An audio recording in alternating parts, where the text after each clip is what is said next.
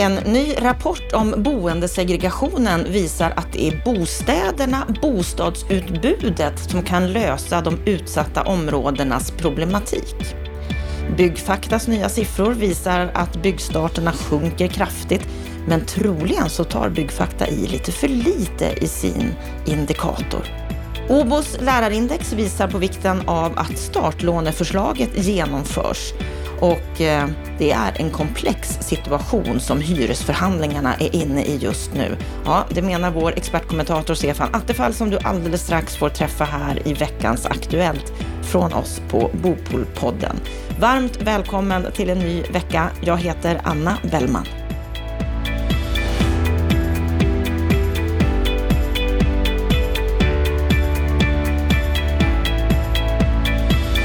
Vi vill börja veckans Aktuellt härifrån Bopolpodden med den största nyheten som i alla fall vi tycker är värd att nämna och det är att vi hade premiär för Bopol Live.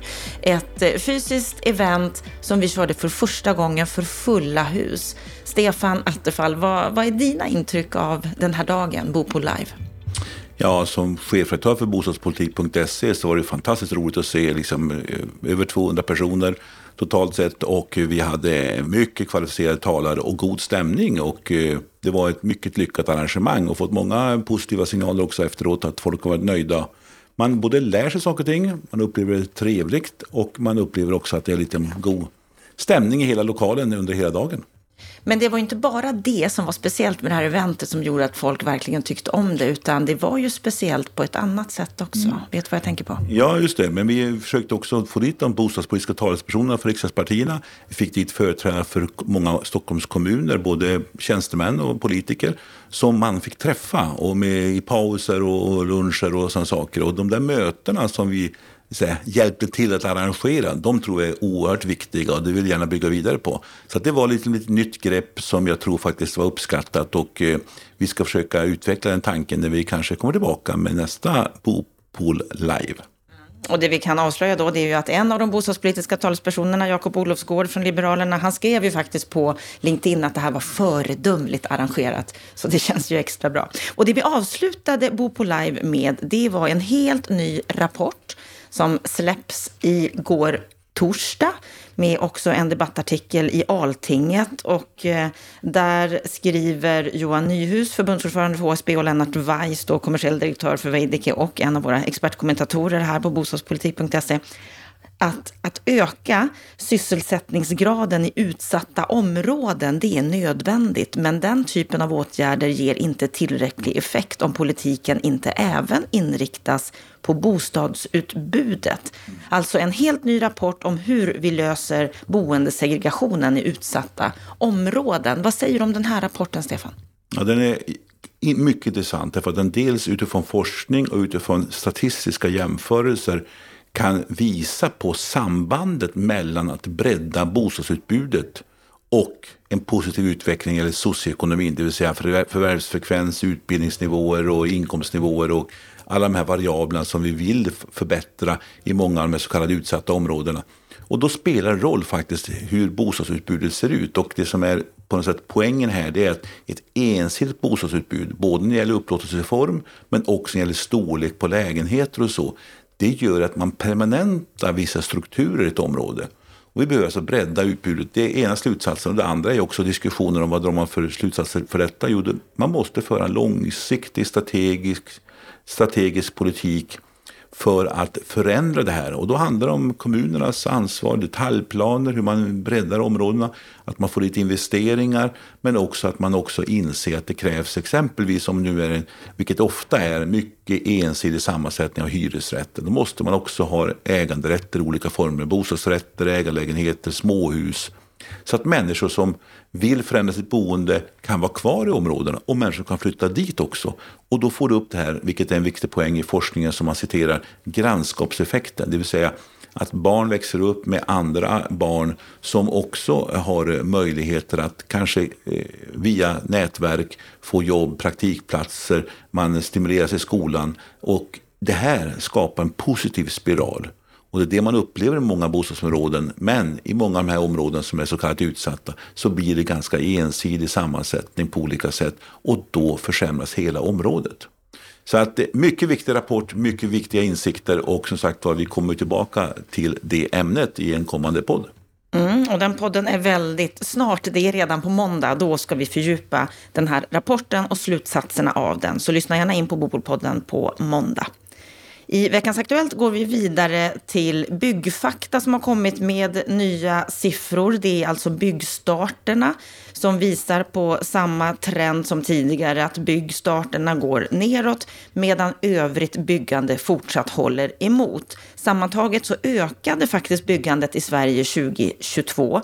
Enligt Byggfaktas indikator så ökade det med 3 procent, men den här statistiken grundar sig på bygginvesteringarna och det betyder ju då att de här ökningarna som vi ser främst beror på ökade byggkostnader. Och eh, Tor Borg som är analyschef på Byggfakta, han säger att det här senaste utfallet indikerar att årstakten för antalet byggstartade bostäder kommer att landa på ungefär 45 000 för helåret 2022. Och det är ju under de flesta prognoser. Framåt våren så beräknas årstakten vara nere i 40 000. Vad säger du om de här siffrorna, Stefan? Ja, det bekräftar egentligen det vi har sagt hela tiden från, eh, i den här podden men också i vad nu, de olika eh, rapporter som har kommit in om att det faller brant. Det är snarare så att byggfakta ofta var lite senare på att se det här eh, som ofta marknaden har sett och eh, mycket offentlig statistik släpar efter också. Eh, jag skulle säga så här att det är snarare risk att de här är i överkant, de här siffrorna. Så att nedförsbacken är brant. Vi har ju nämnt om exempelvis att eh, Obos har varslat människor i sina fabriker. Eh, men samtidigt som de varslar, det vill säga varsel sex månader före, så har de full fart i fabriken. Och det här är ganska indikativt på hur det ser ut. Det går ganska bra, många byggkranar är uppe därför att nu pågår ett antal projekt som har satts igång tidigare. Men det kommer inga nya projekt in. Va? Så många saker vi kommer att se här under 2023 det är projekt som har börjat eller som har gått så långt i planeringsskedet att man inte bedömer att man kan stoppa dem. Men man tar oerhört få nya initiativ. Och det kommer att slå på byggsiffran under 2023, framförallt då senare delen av året. Men det kommer också slå rakt in i 2024. Därför att även om det skulle bli en kortare konjunkturnedgång och, och, eh, man skulle göra ett antal åtgärder så tar det tid att dra igång maskineriet igen. Så att eh, jag skulle säga så att utförsbacken är brant. De här siffrorna bekräftar färdriktningen. Frågan är om inte de är till och med lite överkant när man talar om att vi landar på 45 000 för hela år 2022. Det kanske till och med kommer att gå under det och att 2023 kommer att vara ännu mycket lägre. Och samtidigt vet vi att Boverket säger att vi borde helst ligga på någonstans 60-65 000 påbörjade bostäder per år för att hålla jämn takt med befolkningsutveckling och med de, ska säga, den bostadsbristunderskott som vi har. Så att det här är en växande problematik, en växande klyfta mellan vad verkligheten kräver och vad som händer i, i byggsektorn just nu. Många pratar ju om 2023 som ett förlorat år och det vi ser är att det är som precis du säger, det slår ju enormt hårt den situation vi befinner oss i, i världen och i landet med, med de här höga räntorna, med inflationen och med kriget i Ukraina. Kan det till och med vara så att 2024 blir ett förlorat år? Tyvärr, när det gäller byggstarter så tror jag att eh, vi kan räkna med att 2024 är ett förlorat år i meningen att vi fortfarande kommer att ha ett mycket lågt byggande. Det man kan hoppas på är att man använder 23 till att ha hög fart på planering, förberedelser, utveckla sina affärsmodeller eh, så att man kan komma igång när alla här, stjärnor börjar stå rätt igen. För någon gång kommer det att göra det också. Eh, men det finns ju också en risk att det går åt andra hållet. Det finns ju en risk att vi får en eh, försämrad utveckling. Ja, vi har både de här stora händelserna i omvärlden med, med, med kriget i Ukraina, var det kan ta vägen, men också eh, att det blir en allmänt större ekonomisk nedgång. Eh, politikens uppgift i det här läget blir ju inte att försöka lösa konjunkturproblemet på en gång, därför att det, klar, det kan man inte. Men att bädda för att man dels tar bort hinder som finns, men dels bädda för att man ska kunna komma igång så snabbt som möjligt när det börjar vända uppåt. Och det är väl politikens uppgift och där måste de hjälpa till, både på statlig nivå men också på kommunal nivå. Markpriser, planfrågor etc. etc. Mm, det är mycket som händer på den här marknaden och mycket som skulle behöva hända därför att alla som behöver en bostad har ju inte en bostad. Och vi ska gå vidare och eh, titta på ett lärarindex som OBOS har publicerat. Det här lärarindexet visar hur stor del av bostadsmarknaden som är tillgänglig för en av våra viktigaste yrkesgrupper, nämligen lärare. Det här indexet det visar att det är bara en av nio av de bostadsrätter som såldes i Storstockholm i september till oktober 2022 som kunde köpas av en lärare utan barn och med en genomsnittslön. Samtidigt så uppgår rekryteringsbehovet i Stockholms län till 26 000 heltidstjänster fram till 2035. Och Sofia Ljungdahl som är vd för Obos nya hem, hon säger så här. Vi kan inte ha en situation där lärare, poliser, sjuksköterskor och andra samhällsviktiga yrkesgrupper tvingas tacka nej till jobberbjudanden i storstäderna för att de inte har någonstans att bo. Nu krävs krafttag från politiken. Regeringen måste bland annat ändra och sänka kravet och införa förslaget om startlån för förstagångsköpare. Ja, om vi tittar på det här, Stefan, så har vi ju ofta pratat om att det är svårt för, för många grupper att ta sig in på marknaden. Men här ser vi ju ytterligare en dimension av problematiken, att vi kan förlora viktiga yrkesgrupper i Storstockholm.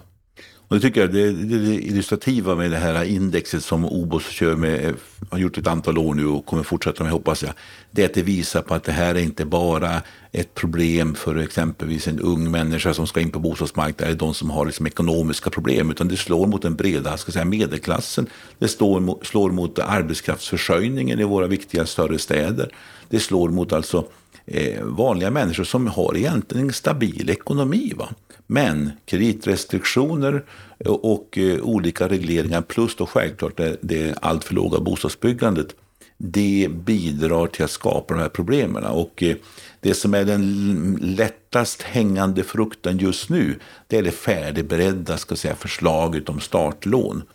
Det skulle ju hjälpa en del av de här grupperna som har en stabil ekonomi. Banken bedömer att det här är inga problem att låna ut pengar till de här. Men de har exempelvis inte då eh, tillräckligt mycket kapital för att klara av att stoppa in de här egeninsatsen.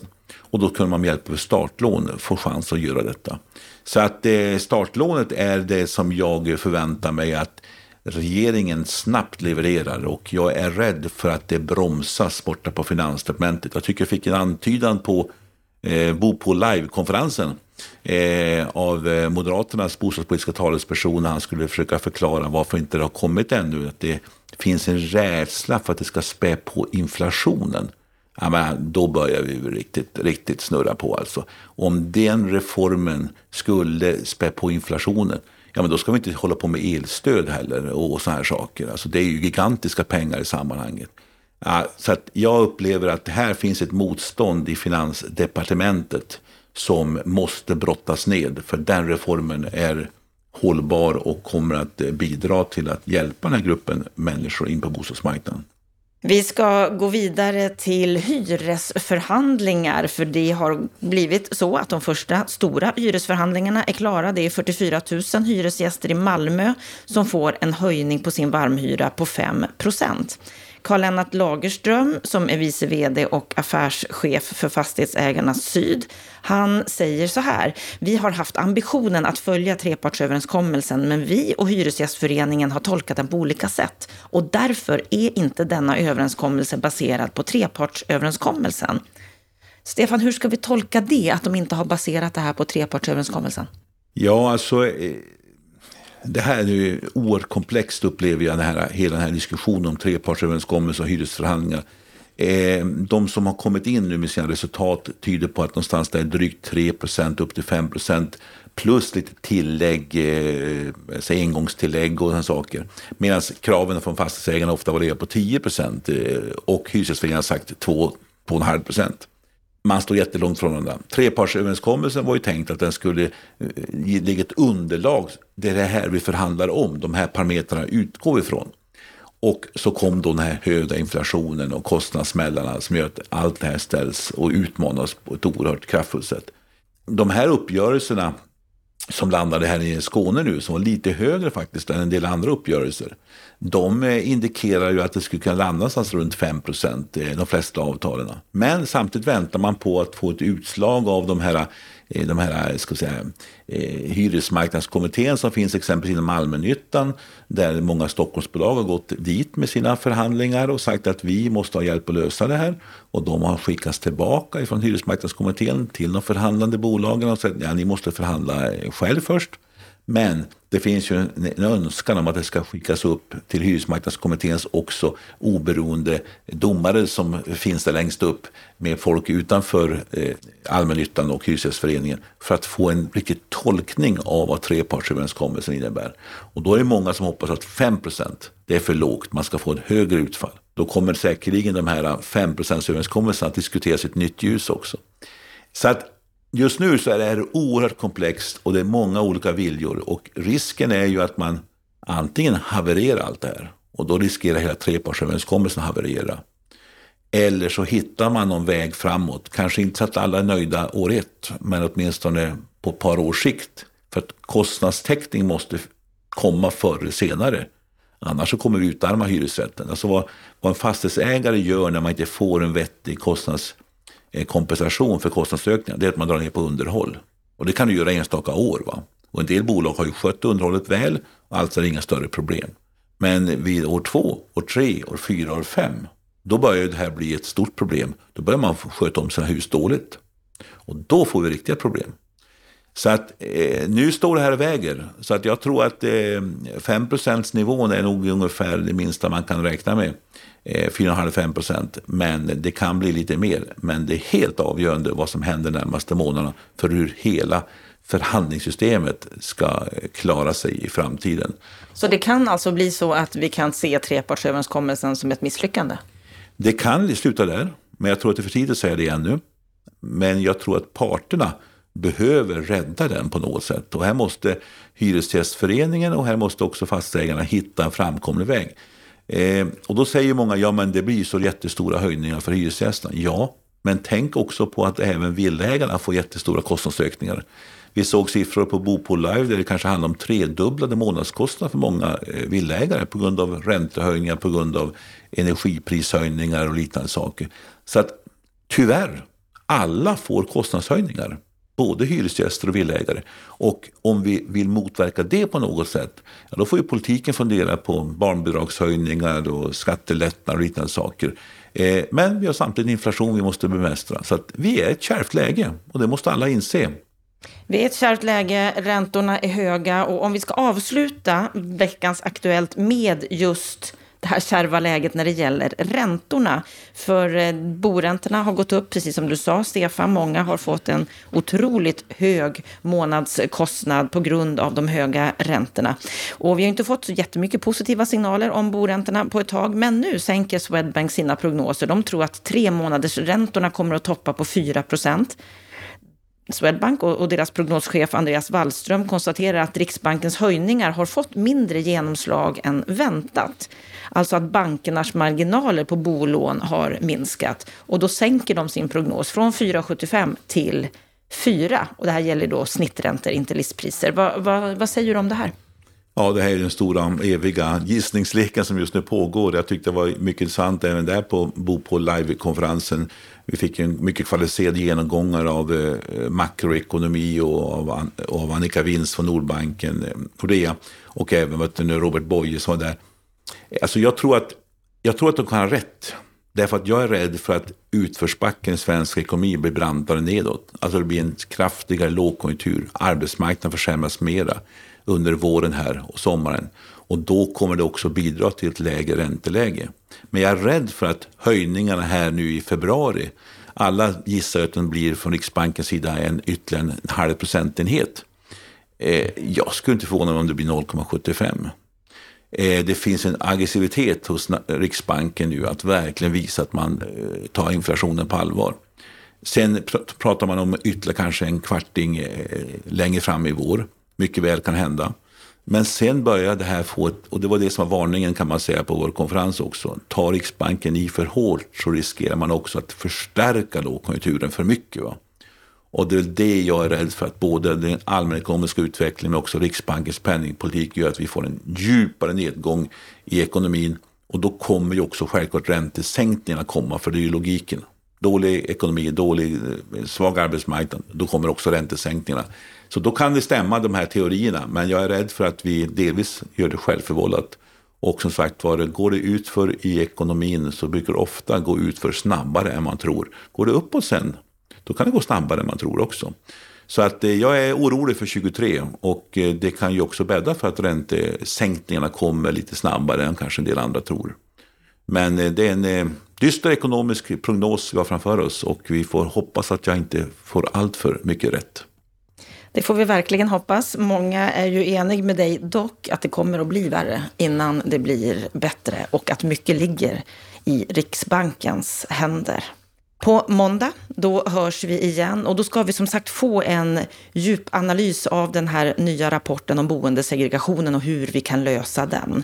Och Ted Lindqvist, VD på Evidens, har på uppdrag av HSB och Veidekke genomfört den här rapporten.